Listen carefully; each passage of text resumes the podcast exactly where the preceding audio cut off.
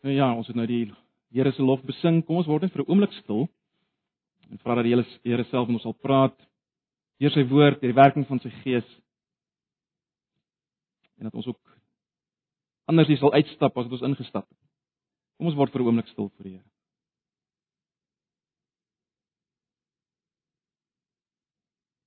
Here baie dankie dat ons in hierdie oomblikke by mekaar kan wees as u liggaam. Ons wil weer eens kom erken in hierdie oggend dat u die hoof is van die liggaam. Dat sonder u geen groei moontlik is nie. Geen verandering nie.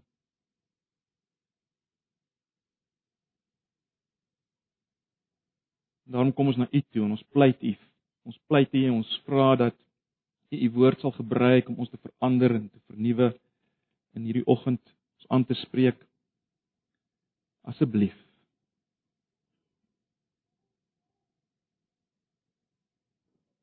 Ag Here, ons wil in hierdie oggend maar net die fokus op U laat val, U self.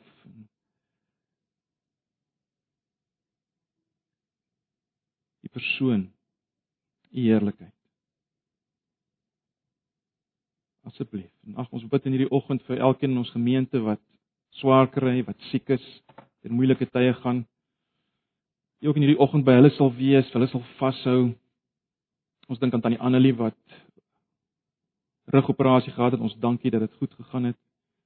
Ons bid vir volkomme herstel. En elkeen van die ander. Ek ken elkeen, Here, elkeen wat ons nie eers vanoggend van weet van die worstelinge, die innerlike worstelinge, die geestelike worstelinge. Ag, ons wil bid dat U elkeen sal aanraak met elkeen sal werk op U manier. Asseblief. En nou kom gee ons maar net hierdie oggend verder vir U. In Jesus se naam. Amen. En ja, ons is steeds besig met ons studie in Markus. Ons het nou verlede Sondag ehm um, gekom tot by vers 16. Ons het verlede Sondag gekyk na die gedeelte waaroor hy praat oor die oor die egskeiding. Moeilike gedeelte. Vanoggend uh, kyk ons na Markus 10 vanaf vers 17. Ons gaan fokus op die gedeelte tot by vers 27. Alhoewel ek net uh, iets sal sê miskien oor die oor die laaste paar verse, maar ons gaan dit meer by voorag uh, by 'n volgende geleentheid behandel.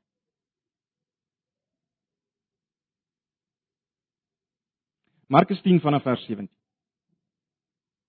Net toe Jesus uit die huis uitkom om verder te gaan, kom daar iemand aangehardloop. Hy val toe voor hom op sy knieë en vra hom: "Goeie leermeester, wat moet ek doen om die ewige lewe te verkry?" Daarop sê Jesus vir hom: "Waarom noem jy my goed? Niemand is goed nie behalwe God alleen." Jy ken die gebooie, jy mag nie moord pleeg nie, jy mag nie egbreek pleeg nie, jy mag nie steel nie, jy mag nie vals getuienis aflê nie, jy mag nie iemand verontreg nie of veronreg nie, eer jou vader en jou moeder. Meneer sê vir hom, dit alles het ek van my kinderdae af nagekom. Jesus het na hom gekyk en hom liefgekry. En vir hom gesê, net een ding kom jy kort. Gaan verkoop alles wat jy het en gee die geld vir armes en jy sal 'n skat in die hemel hê. Kom dan terug en volg my. Hy het egter geskrik toe hy dit hoor en het bedruk weggegaan want hy het baie besittings gehad. Jesus kyk toe na sy disippels rondom hom en sê vir hulle: "Hoe moeilik sal iemand wat ryk is in die koninkryk van God kom?" Die disippels was verbaas oor hierdie woorde van van hom. Jesus sê toe vir uh, verder vir hulle kinders, hoe moeilik is dit om in die koninkryk van God te kom? Dis makliker vir 'n kameel om deur die oog van 'n naald te kom as vir 'n ryke om in die koninkryk van God te kom. Dit het hulle geweldig ontstel en hulle het mekaar gesê, "Wie kan dan gered word?" Jesus het reguit na hulle gekyk en gesê, "Vir mense is dit onmoontlik, maar nie vir God nie." Want vir God is alles alles moontlik. Petrus sê te vir hom: "Kyk, ons het alles verlaat en ons volg U." Jesus antwoord: "Dit verseker ek julle, daar's niemand wat ter wille van my en ter wille van die evangelie afgesien het van sy huis of broers of susters of moeders of vader of kinders of eiendom nie, of hy kry nou in hierdie tyd 100 keer soveel huise en broers en susters en moeders en kinders en eiendom saam met baie vervolging en in die bedeling wat kom die ewige lewe. Maar baie wat eerste is sal laaste wees en wat laaste is eerste." Goed, as ek sê ons gaan fokus op eerste 27 verse. Uh en dan sal ons by ander geleentheid kyk na die laaste verse. Nou, ek dink ons almal ken die uitdrukking so naby maar tog so ver. So naby maar tog so ver. Daar's min dinge in hierdie lewe wat so tragies en hartseer is as wanneer 'n mens of 'n dier iets mis wat binne die bereik was.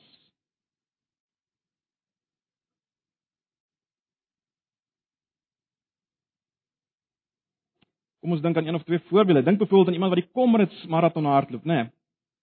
Al die ek sê jare se oefening reg eet en reg leef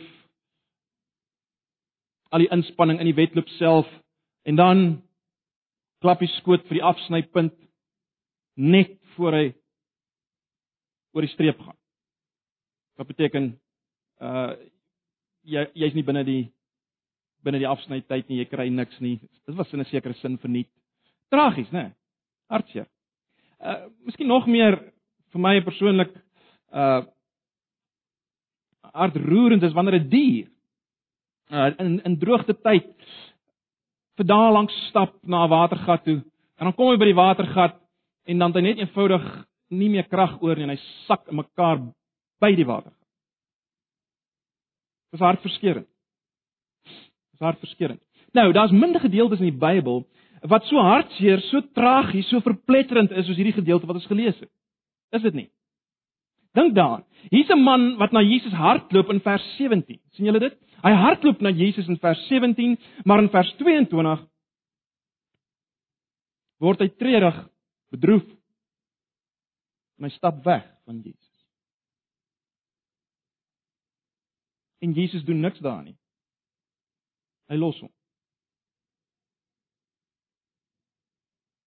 Nou, broers en susters, dis 'n gedeelte wat nie baie sin maak in die tyd waarin ons osself bevind nie, nê? In in 'n tyd uh waar daar so baie mense is wat hulle self Christene noem nie. Ek meen, hoe is dit moontlik dat iemand ywerig kom na Jesus en Jesus is nie opgewonde om so 'n persoon deel te maak van sy disipelgroep nie? Hoe is dit moontlik? In ons tyd maak dit nie sin nie want ons leef in 'n tyd soos ek sê wat wat elke tweede persoon amper homself al in Suid-Afrika homself of haarself 'n Christen noem. Maar As jy na hierdie mense kyk, dan lyk hulle soos die wêreld, en soos iemand dit gestel het, hulle ryk soos die wêreld.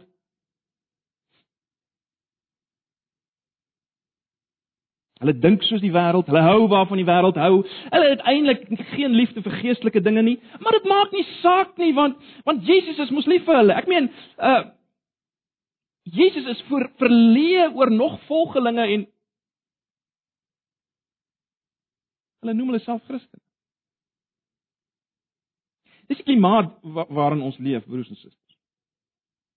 En dit is van kardinale belang om in hierdie klimaat waarin ons onsself bevind, deeglik te kyk na wat hier gebeur. Ons kan nie bekostig om nie daarna te kyk nie, want want want broers en susters, om die ewige lewe te mis is onmeetlik erger as om nie die afsnypunt van die Comrades maraton te haal nie. So kom ons kyk na hierdie gedeelte.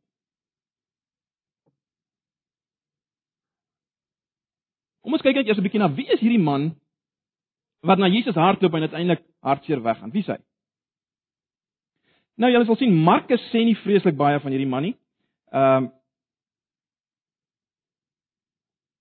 Die enigste opmerking wat Markus eintlik maak is in vers 22 dat hy baie besittings gehad het, né? Nee. Maar dit is nog interessant as ons na die ooreenstemmende gedeelte gaan kyk in Matteus en in Lukas dan dan leer ons nog ietsie van hierdie man. Uh ons sien in Matteus 19 vers 22 dat hierdie man jonk was. En in Lukas 18 vers 18 sien ons hy was 'n hy was 'n owerste. Hy was jonk en hy was 'n owerste. In ander woorde, hy was jonk en alreeds 'n owerste. Owerste is 'n ou met is eintlik 'n edelman met geweldige gesag en invloed. En hy baie sit besittings gehad wat natuurlik daai voortvloei. Ja, hierdie ou was suksesvol. Hy is 'n jong suksesvolle man. En tog, as ons na hierdie gedeelte kyk wat ons gelees het, is hy nie skaam om voor Jesus neer te val nie. Met ander woorde, hierdie ou was nederig. Hy was 'n nederige jong man. En en hy spreek hom aan, goeie leermeester. Met ander woorde, hierdie ou het nog goeie maniere ook gehad, né? Uh, respekvol. Meer nog, hy was moreel uitstaande. As Jesus hom in vers 19 herinner aan die gebooie, dan antwoord hy in vers 20: Ek onderhou dit van kleins af. Nou, ek weet, ek weet, 'n mens kan nou hier debatteer en sê, kyk, hy het seker gedink hy onderhou dit, maar ons weet niemand kan dit regtig volkome onderhou nie. Wel, broers en susters, dis nie die punt hier nie, is dit? Dis nie die punt hier nie. Of dit nou 60% of 99% onderhou, dit maak nie saak nie. Uh vir hierdie gedeelte se betekenis nie. Terloops, Jesus sê ook nie vir hom kyk jy lieg nie man. Dis nie wat Jesus hom sê nie. Die punt is hierdie was 'n ernstige jong man. En sover hy uh sover hy kon oordeel, uh het hy moreel geleef. Hy het sover hy kon moreel geleef. Hy het sy ouers geëer sien ons. Hy het nie rondgeslaap nie. Hy het met integriteit opgetree. Ons het geen rede om dit te betwyfel nie. Alraai? Ons het geen rede om dit te betwyfel. Meer nog, hierdie ouetjie is geestelik sensitief. Hy praat oor die ewige lewe. Nou, ons weet nie waar hy daarvan gehoor het nie. Waarskynlik het hy na Jesus geluister. Uh veral as ons kyk na die uh Johannes se evangelie, dan sien ons Jesus het baie gepraat oor die ewige lewe. So waarskynlik het hy na Jesus uh, se gesprekke geluister. Uh net so terloops is baie duidelik dat Jesus onder die ewige lewe weer eens dink aan die koninkryk, uh een van ons sentrale lyne wat ons sien deur Markus gaan. Want later sê Jesus hoe moeilik is dit vir rykes om in die koninkryk te kom, né? Nee, terwyl dit hier gaan oor die ewige lewe. So ek wil net hê julle moet dit sien. Maar goed. Hierdie hierdie jong man was geestelik sensitief. Uh maar verder sien ons hy praat nie net daaroor nie. Hy praat nie net oor die ewige lewe nie, geestelike dinge nie. Hy hy weet almal het nie die ewige lewe nie. Uh want hy vra hoe kan hy dit kry? Wat, wat kan hy doen om die ewige lewe te kry? So so hy hy hy's bewus daarvan elke mens soos hy gebore word, het nie die ewige lewe nie. Geweldige insig, is dit nie? Baie mense vandag het dit nie. Hy het die insig. Hy weet almal het nie die ewige lewe nie, maar hy wil dit graag hê. Meer nog, hy's bereid om iets te doen om dit te kry. En voor jy nou onmiddellik sê ja, kyk tipies hier's 'n ou wat werke geregtigheid. Wel, wel Ons moet iets doen om in die koninkryk te kom. Ons sal nou sien hoe dit lyk, né? Nee, ons gaan nou daaroor praat. Maar maar die punt wat ek maar net wil maak is hierdie ouetjie, ons kan nie sê hy was verkeerd om te vra wat moet ek doen nie. Broers en susters, om dit eenvoudig te stel, dit was die soort ou waarmee jy wil hê jou dogter moet trou. Né? Nee. Dis die soort ou waarmee jy wil hê jou dogter moet trou.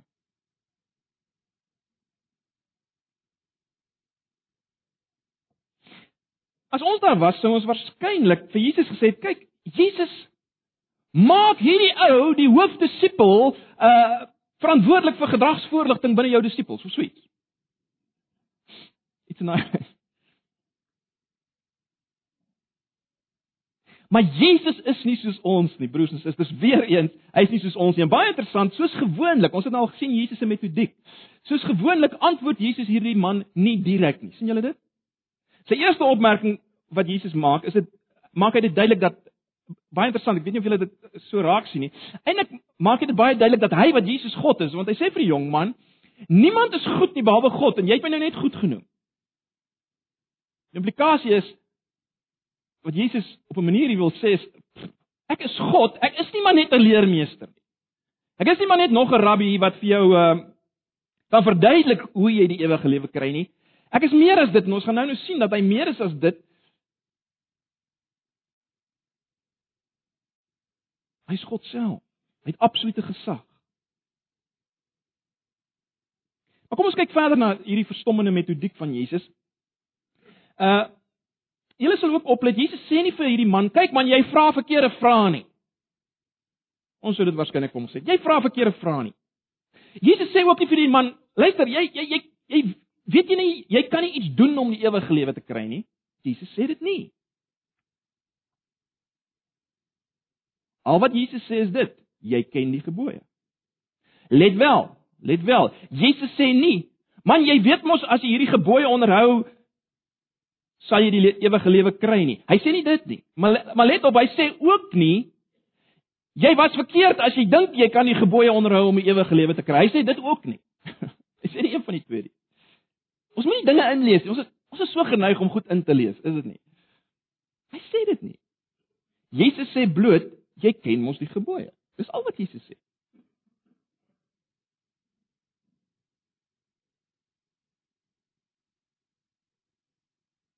En ek sê weer as die man sê al hierdie onder, dinge onderhou ek van my kinderdae af, sê Jesus nie vir hom, "Hey, jy maak 'n fout nie. Jy het gedink jy onderhou dit, maar jy dit is nie wat Jesus sê nie." sien julle wat sê Jesus?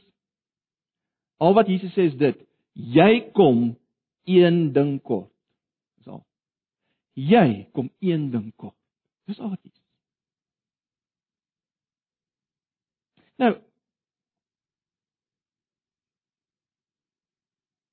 Ons het nou vir mekaar gesê hierdie hierdie eh, jong man was bereid om iets te doen om die ewige lewe te ontvang.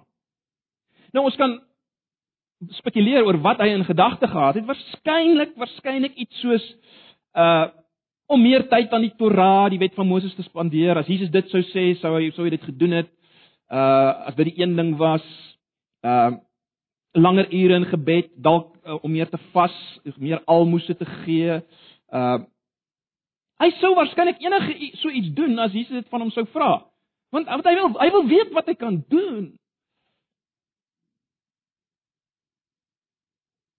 Maar Jesus weet natuurlik wat in hierdie man se hart is en hy sê vir hom: "Net een ding kom jy kort, gaan verkoop alles wat jy het, gee die geld vir die armes. Jy sal 'n skat in die hemel hê. Kom dan terug en volg my." En jy sal sien wat veroorsaak hierdie woorde by die man. Hy skrik en hy gaan bedruk weg. Hoekom? Wel, Markus gee die antwoord, né? Nee. In vers 22 gee Markus die antwoord. Hy het baie goed gehad. Jy sien, Jesus ontbloot deur deur deur hierdie versoek wat hy rig aan die man, hierdie hierdie hierdie ding wat hy vir die man sê, ontbloot hy die probleem van hierdie man en hy ontbloot die probleem van vele ander. Dis dalk moontlik dat hy vanoggend jou probleem ontbloot.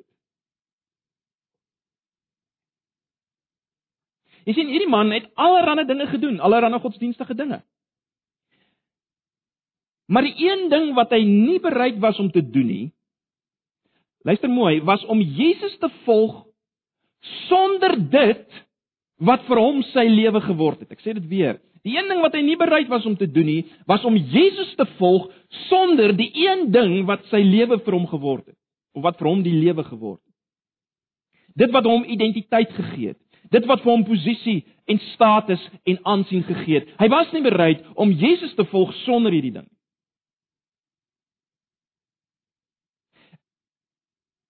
Dis natuurlik nie iets niets in Markus nie, eerste. Uh, Jesus illustreer net hier prakties wat hy in hoofstuk 8 vers 34 tot 38 gesê het toe hy gesê het: As iemand agter my wil aankom, moet hy homself verloën, sy kruis opneem en my volg.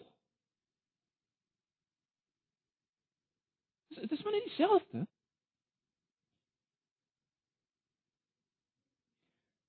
Daai wat Jesus verder gesê het, as jy jou lewe wil behou, sal jy dit verloor, as jy jou lewe verloor, sal jy dit behou. Jy sien, vir hierdie man het sy besittings sy lewe geword, die lewe waarin hy sy identiteit gevind het, sy sekuriteit. Dis waar sy liefde was. En Jesus vra hom om dit te los en hom te volg. En dan word om dit so te stel, wat hierdie man laat omdraai het, is die navolg van Jesus met 'n kruis. En wat gekruisig moes moes word, was hierdie lewe van hom wat gedefinieer word deur wat hy het. As ons terugdink aan aan net die verse voor hierdie gedeelte, Markus 10 vers 15, dan vra Jesus eintlik vir hierdie man om na hom te kom soos 'n kind, né? Nee, Jesus het gesê niemand sal die koninkryk ingaan as hy dit nie soos 'n kind ontvang nie en dis wat hy vra van hierdie man sonder enigiets. Sonder goed waaraan jy vashou. Kom agter my aan. Nou weer eens, ek ek ek ek, ek beklemtoon dit weer vir ons is die die vreemde, die onverklaarbare natuurlik dat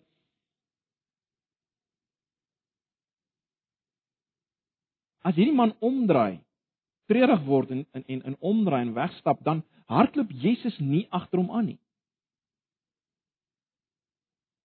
Jesus sê nie vir hom wag wag wag wag wag wag wag. Uh jy het my dalk verkeerd verstaan. Dis nie so erg nie. Jy kan in elk geval maar agter my aankom uh uh met al jou besittings uh As jy maar net vir my vra om jou verlosser te wees. Dis reg. Kom maar net so.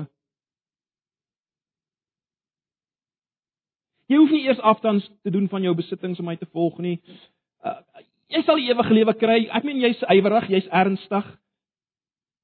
Ja, jy sal dalk deurgaan as 'n minder toegewyde Christen, maar ag, jy kry ernstige ouens, jy kry minder ernstige ouens wat Christendom betref. Jy's in, kom net.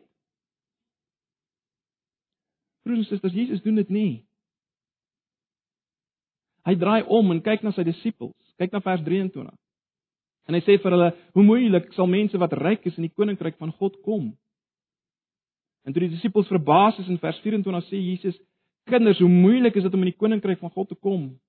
Dit is makliker vir 'n kameel om deur die oog van 'n naald te kom as vir 'n ryk om in die koninkryk van God te kom."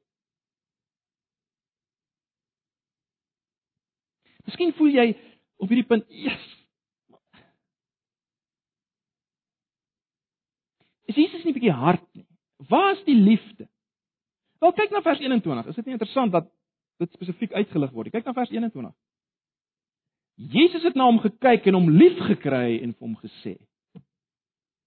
Jesus het na hom gekyk en hom liefgekry en hom gesê: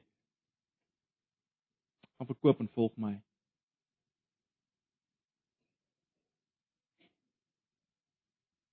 Hoekom sê Jesus dis moeilik vir die wat ryk is om in die koninkryk van God te kom? Ag, dink as ons in die in die in die volgende trant redeneer dan as ons nie ver van die antwoord nie. Bloot omrede broers en susters armes weet hulle is nie in beheer van hulle eie toekoms nie. Is dit nie so nie? Armes, regtige armes weet hulle is nie in beheer van hulle toekoms nie. Ek meen as as een uit elke 5 kinders in my gemeenskap sterf voor die ouderdom van 5 en daar's geen mediese hulp wat ek kan bekostig nie, dan weet ek ek is magteloos. Dan weet ek ek is afhanklik. Aan die ander kant, die ryke kan vir lank tye leef onder die illusie dat hy in beheer is, né? Ek meen hulle kan hulle lewens beplan vooruit en dit deurvoer. Hulle het geen hulp of geen bystand van iemand nodig nie. En meer nog, besittings verslaaf jou. Jesus het op 'n keer gesê jy kan nie God en Mammon dien nie, né? Jy word 'n slaaf van die een. Jy sien rykes kan so baie so maklik uh, hulle begeertes, hulle behoeftes noem, né? En dis waarom dit moeilik is om dit te los en Jesus te volg. Jy sien, wanneer die volk van Jesus inmeng met met met met met jou verbeelde behoeftes en jou lewenstyl, wel dan draai die ryke treurig om.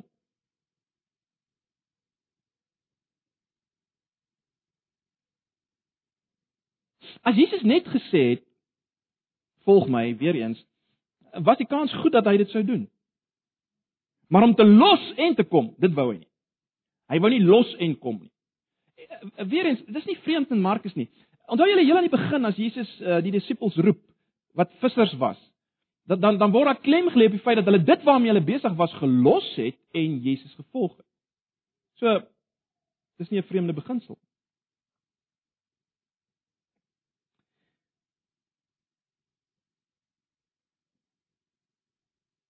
In vers 25 sê Jesus die volgende. Hy sê dis makliker vir 'n kameel om deur die oog van 'n naald te kom as vir 'n ryk om in die koninkryk van God te kom. En ek dink net so ek verkeerd as ek sê ons reaksie sou waarskynlik dieselfde gewees het as die van die disippels nie. sien julle wat sê hulle? Hulle sê vir Jesus, "Maar wie kan dan gered word?" Jesus, wie kan dan gered word? En dan antwoord Jesus, sien julle wat antwoord Jesus? Hy sê, "By mense is dit onmoontlik." By mense is dit onmoontlik. Met ander woorde, wat Jesus eintlik onomwonde vir sy disippels sê is dit: Ek het die onmoontlike gevra van hierdie man. Vir hierdie man om alles te volg, alles te verkoop en my te volg, ek het eintlik die onmoontlike gevra. Vir mense is dit onmoontlik. So onmoontlik as wat dit is vir 'n kameel om deur die oog van 'n naald te gaan. Uh, uh, uh, let wel tog dat Jesus het beslis nie gedink 'n kameel kan met 'n met die regte dieet en 'n bietjie druk wel deur die oog van 'n naald gaan nie. Nee, eh, Jesus kon enige ander voorbeeld gebruik het om net te sê dis onmoontlik. Maar dank God, Jesus stop nie daar nie, né? Hy sê by God is alle dinge moontlik. By God is alle dinge moontlik. Met ander woorde, dit is moontlik vir mense soos die ryk jong man om te laat los en Jesus te volg. Dit is moontlik. Dit is moontlik. Dis wat hy sê, is dit nie? By God. God kan dit laat gebeur.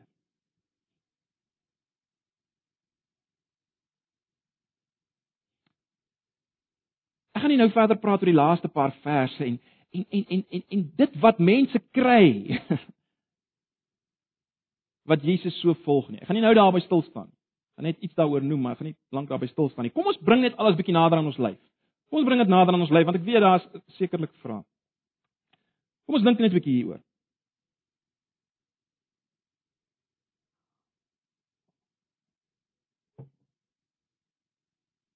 Ek dink die eerste ding wat ons vir mekaar moet sê is is dat hierdie gedeelte baie duidelik wys dat die feit dat jy 'n skoon morele lewe lei en ons weet hierdie goed maar ons moet dit weer hoor. Die feit dat jy 'n skoon morele lewe lei en in geestelike dinge belangstel maak jou nie outomaties 'n kandidaat vir die koninkryk van God of vir die ewige lewe nie.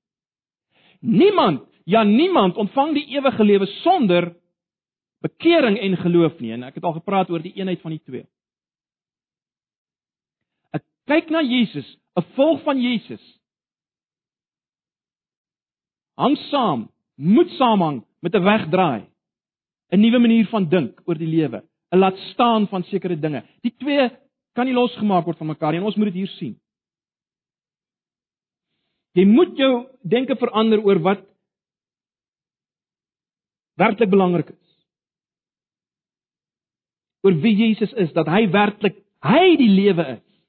Nie wat hy kan gee nie. Hy self is die lewe. Jy moet jou denke verander hieroor, wegdraai van wat jy gedink het die lewe is en en Jesus volg wat die lewe is. Jy sien? Die twee goed gaan saam. So dit dit sien ons baie duidelik hier. Dis die eerste ding wat belangrik is. Ag en broers en susters, moet ek dit maar sê in ons eie uitreik na ander mense, moet ons dit ook onthou, is dit nie? Ons moet nie te hastig wees om mense in te druk in die koninkryk 'n Tweede ding wat ons miskien eens mekaar moet sê, ons moenie dink dat die boodskap hierdie boodskap in hierdie gedeelte is net vir die skatrykes onder ons bedoel nie. Of laat ek so sê die die die die die die ehm um, die angel van hierdie gedeelte is eintlik net vir die skatrykes in ons midde nie. Ons sal 'n groot fout maak. As ons as ons volgende hier sit en sê, "Jesus, ek wens so en so hoor hoor hierdie boodskap." Dit sou 'n groot fout wees, is dit nie? Want jy sien die realiteit is dat volgens Jesus se definisie van ryk van daai tyd as ons onsself meet aan daardie definisie is ons almal wat hier sit almal almal skatryk. Oor waarheid te sê gemeet aan die wêreldstandaard is ons elkeen skatryk. Ek wil nou daarop uitbrei maar julle kan maar self dit gaan gaan gaan navors. As jy 'n motor het en loop in 'n water, is jy klaar in die boonste toplaag van die wêreld. Ons is almal hier skatryk. So, ons moenie dink ek is nie ingesluit in hierdie gesprek nie. Ons hier is die rykes en vir ons hier is die gevaar om vas te hou aan dit wat vir ons identiteit en sekuriteit gee, ons hartsafgode wat ons nie wil laat los in die navolg van Jesus. So dis vir ons. En daarom 'n vraag wat daar uit voortvloei is natuurlik om vir jouself te vra het my navolg van Jesus al my rykdom geraak. En en en en en weer eens onthou nou net rykdom as ons na die verdere verse kyk as Jesus praat oor alles wat ons wen as ons laat laat gaan, rykdom kan ook iets wees soos jou man, vrou, kinders. Dit is nie net besittings, net materiële besittings nie. Ek noem dit maar net. Maar goed. Dit is baie maklik om na hierdie gedeelte te kyk en te sê Ja, maar ons weet tog, vandag kan ons nie sommer ons werk los, maar net alles verkoop uh en Jesus volg nie. So hierdie gedeelte ons kan maar net eintlik dit prakties ignoreer. Dit klink mooi, dit klink goed, maar uh, ons weet dit, dit is net nie in die 21ste eeu haalbaar. Nou verseker dat jy 'n punt beet as jy so dink. Uh verseker. Verseker, as Jesus ver oggend hierdie gedeelte aan ons sou wou oordra met dieselfde effektiwiteit, sou hy nie van ons gevra het om op te hou werk en alles te verkoop en fisies agter hom aan te stap nie. Uh, Natuurlik, hierdie gedeelte is vind plaas in eerste eeuse Israel. Ons woon in 21ste eeuse Suid-Afrika. Die navolg van Jesus het vir hierdie man letterlik beteken om te voet saam met die disippels van Jesus agter Jesus aan te stap. Natuurlik. Uh hierdie man, daar word van hom gevra om uiteindelik te stap waar Jesus stap, te slaap waar Jesus slaap, te eet wat Jesus eet, met hom te gesels, uh om lief te hê, uh met mense te praat oor die koninkryk, hulle te leer, duiwels uit te dryf, genees, mense te genees en so meer. Uh en Jesus wou gehad het hy moet dit alles doen sonder sy besittings. Sonder dat sy hart, sy gedagtes, sy liefde by sy besittings is. Sonder dat dit sy denke en sy emosies sy emosies in beslag neem, né? Nee, dis wat Jesus van hierdie man vra. As Jesus vandag dieselfde ding vra, gaan dit natuurlik anders lyk. Dit gaan anders lyk. As jy vandag byvoorbeeld al jou goed verkoop, uh kan jy nie eintlik funksioneer as mens nie. Ook nie vir die koninkryk nie. Ek meen, uh sonder 'n motor byvoorbeeld, wat maak jy? Hoe gaan jy by enigiemand uitkom? Hoe gaan jy 'n getuie wees vir Jesus sonder 'n motor? Jy kan nie jy kan nie funksioneer eintlik nie, né? Nee. Nou goed, ek, ons kan daaroor seker debatteer, maar goed. Sonder 'n huis kan jy nie lank jy kan nie sonder 'n huis wees nie. Ek meen En behalwe daarvoor, broers en susters, ons moet altyd natuurlik na die res van die Nuwe Testament kyk. In die res van die Nuwe Testament is duidelik sê Paulus by geleentheid, hy wat nie werk nie mag nie eet nie. En en Paulus uh, sê vir die uh vir die diensknegte, die slawe om gehoorsaam te wees aan hulle here en, en om te werk nie as mense wat net uh die werkgewer wil tevrede stel nie. Hulle moet werk asof hulle vir die Here werk, nê. Nee, so werk uh baie duidelik dis dis nie iets wat die Here verwag in die tyd waarin ons leef dat jy dit moet laat los. So ons moet dit nie verkeerd verstaan nie. Maar die beginsel natuurlik bly. Is dit nie so nie? Die beginsel bly. En die vraag wat ek steeds moet vra is volg ek Jesus? Ja ja, Jesus is nie hier dat ek fisies met my voete agter hom kan aanstap nie. Ons weet dit. Maar volg ek Jesus? Is ek in sy geselskap gedurig in my gees? As ek dit so kan stel, het ek hom lief? Doen ek wat hy wil hê gedoen moet word in my huis, by die werk?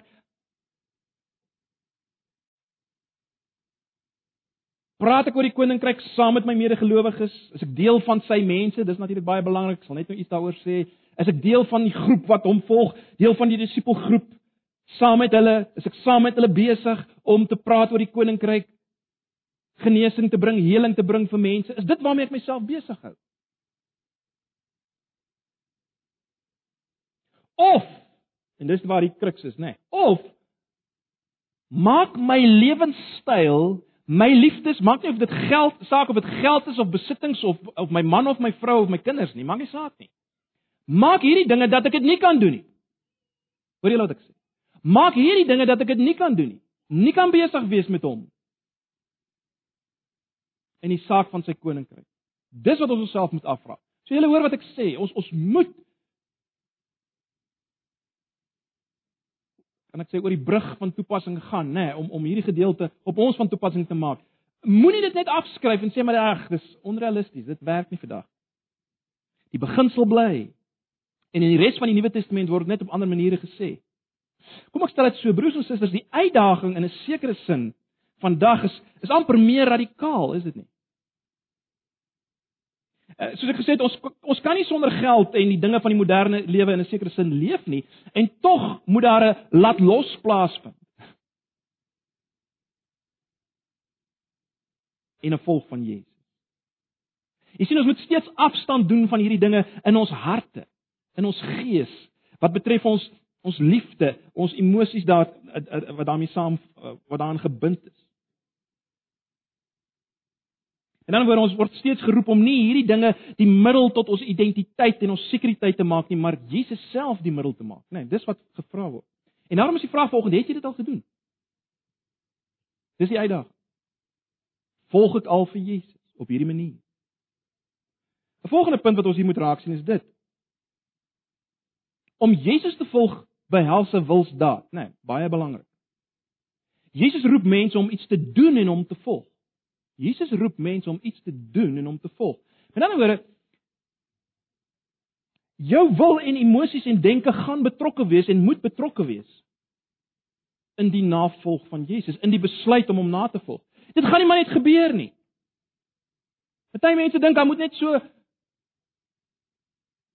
iets oor hulle kom dat hulle beweeg word tot die navolging van Jesus maar dis 'n wilstaat. So dis die een ding wat ons hier sien. Maar 'n volgende ding wat ons hier sien en wat ons uitgelig het is net so seker soos jy moet kom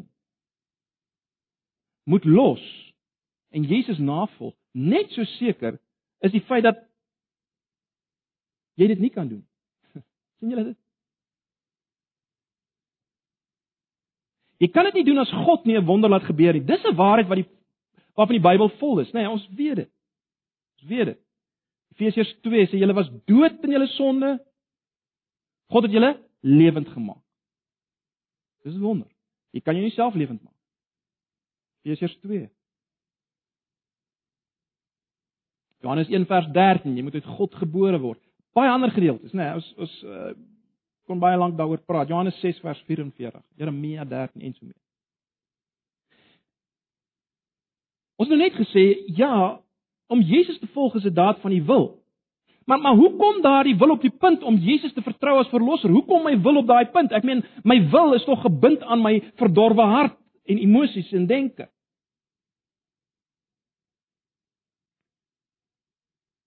My hart is verslaaf aan een of ander ding wat vir my identiteit of sekuriteit gee. So hoe hoe hoe is dit dat so wil totale nuwe rigting kies? Hoe gebeur dit? Hoe kan 'n jong man alles verkoop en Christus volg? Sy totale wese roep daarteen uit. Nee. Die antwoord by God is alle dinge moontlik. By God is alle dinge moontlik. Uh, Jesegiel 36, hierdie vers in die Ou Testament stel dit so mooi dit dit praat van die hartoperasie wat God uitvoer. Luister maar net daarna. Wat die Here sê in uh, vers 26 van die Segel 36: Ek sal julle 'n nuwe hart en 'n nuwe gees gee. Ek sal die kliphart uit julle liggaam uithaal en julle hart van vleis gee. Ek sal my gees in julle gee en ek sal maak dat julle volgens my voorskrifte leef en my bepalinge gehoorsaam en dit nakom. Ek weet ons staan hier voor 'n oënskynlike teenstrydigheid, né? Nee. Hierdie man moes verkoop en Jesus volg, verseker, hy moes dit doen. Niemand gaan dit vir hom doen nie. Maar volgens Jesus terselfdertyd is dit onmoontlik. Broers en susters, dit is net soos soos lig beide 'n deeltjie en 'n golfie is. Nee. Beide is waar. Maak nie vir ons heeltemal sin nie, maar beide is so. Julle wat wetenskaplik is, sal dit weet. So die punt is as jy die koninkryk wil ingaan, Volg Jesus. Los dit wat jy koester as identiteit en sekuriteit. Raak deel van die groep wat hom volg. Dis die dis die uitdaging. Maar as jy dit gedoen het, gee aan God al die eer vir die onmoontlike wat gebeur het. Verder moet ons nie debatteer nie. En dan word as jy hier sit vanoggend as 'n as 'n jong man of meisie wat teen die klimaat, die kultuur van die dag gedraai het. Die kultuur wat gaan oor net voorkoms en gewildheid en partytjies en wat die ding mag wees en aanvaarding deur die groep en jy het begin om om Jesus te volg radikaal wel. Dis 'n wonderwerk. Dank God daarvoor. As jy as volwassene uh teen die kultuur van die dag, die rotte reusies van posisie en status en aansien uh wat gekoppel is baie keer aan welvaart natuurlik, as jy Jesus begin volg het wat wat wat implikasies gehad het vir vir die huis waar jy woon en so meer en so meer. Wel, dank God is 'n wonder. Dis 'n wonder. Dis 'n wonder.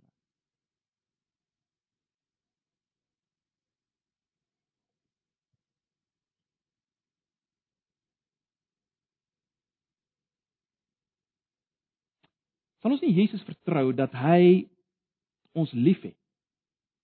Soos hy hierdie jong man liefgehad het en dat dat hy weet wat ons nodig het. As hy vir ons vra om te los. Hy weet wat ons nodig het. Hy wil vir ons meer gee. En uh, in die verse wat ons nou nie gaan in detail ingaan nie, daai laaste vers wat ons gelees het, sien ons dit. Hy wil vir ons meer gee as wat ons verloor.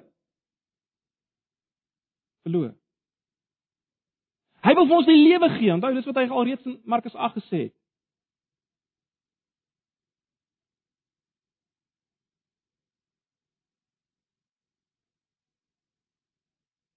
En baie baie belangrik. Moenie my volgens verkeerd hoor nie, broers en susters. My laat los van die dinge wat my identiteit begin vorm het my hart in beslag neem.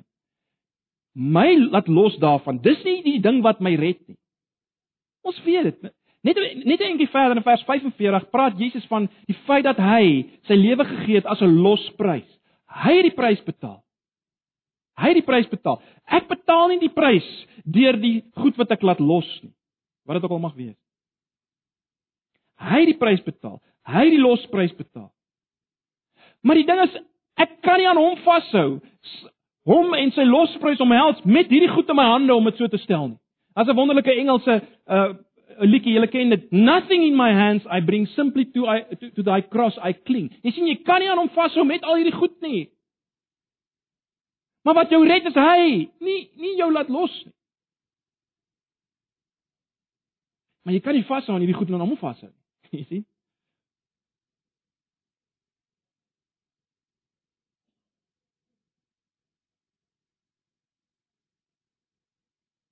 Maar dis hy wat ons. Ons moenie ons moenie vanoggend uh wegstap met enige enige idee van tipe van 'n werke verlossing nie. Dis nie dis nie waaroor dit gaan nie, is dit. Net 'n laaste opmerking.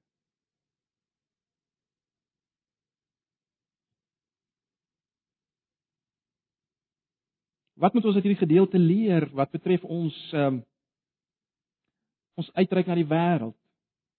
Na nie geredde persone. Hoe moet hoe moet ons dink? Wel, Ons het al baie van mekaar gesê en dit is baie belangrik. Wie beweeg nou in die wêreld soos Jesus? Wie roep mense vandag soos Jesus?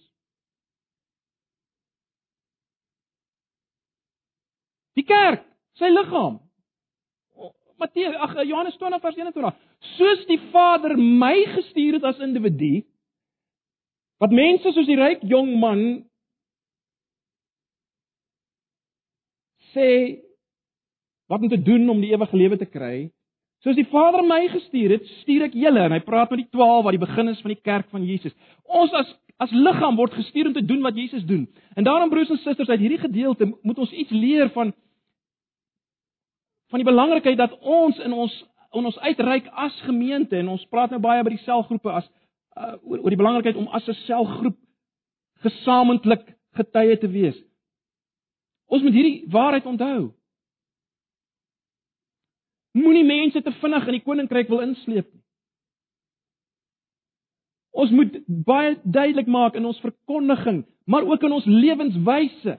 Want mense kyk na ons. Wat sien hulle by ons? Sien hulle by ons dat daar 'n laat losplaas gevind het in 'n navolg van Jesus? En dis die boodskap wat ons moet verkondig deur ons hele manier van lewe. So dit is baie belangrik om dit raak te sien in hierdie gedeelte.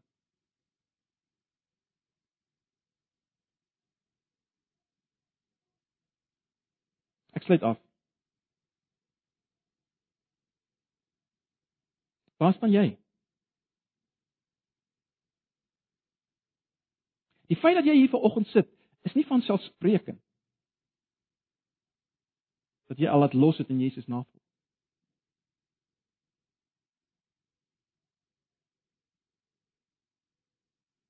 En broers en susters, baie belangrik, ons het al daaroor gepraat.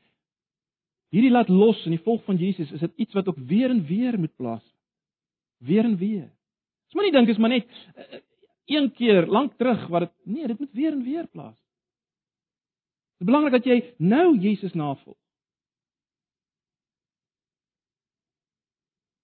Ek gaan tyd gee, kom ons raak net weer vir 'n oomblik stil. En dan vra jy jouself net af,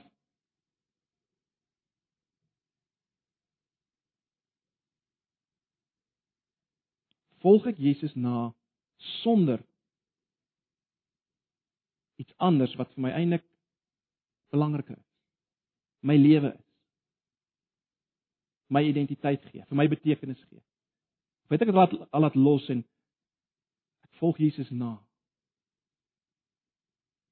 Het ek al los geraak van hierdie goed. Onthou ons mekaar gesê dit beteken nie noodwendig 'n fisiese verkoop van alles of wat dit mag wees nie, maar is ek is ek los daarvan? Het ek het ek afstand gedoen van in my hart van van dinge en volg ek Jesus na? En dis die vraag wat ons onsself moet afvra. En uh as jy volgens besef, maar dis nie die waarheid, dis nie waar van my nie. Bely dit. Gee dit vir die Here, bekeer vir oggend. Ek gaan tyd gee vir gebed. Bekeer en glo die evangelie. Ek gee tyd vir gebed. Ag Here Jesus, U ken elke hart volgend hier. U het elke gebed en elke versigtiging gehoor.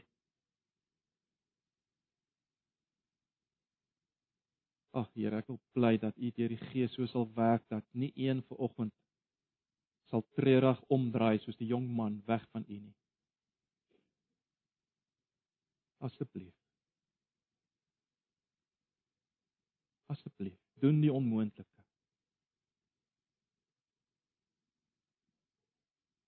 Ons vra dit in Jesus se naam. Mag nou die genade van ons Here Jesus en die liefde van God en die gemeenskap van sy Heilige Gees julle elkeen wees en bly in hierdie dag. Amen.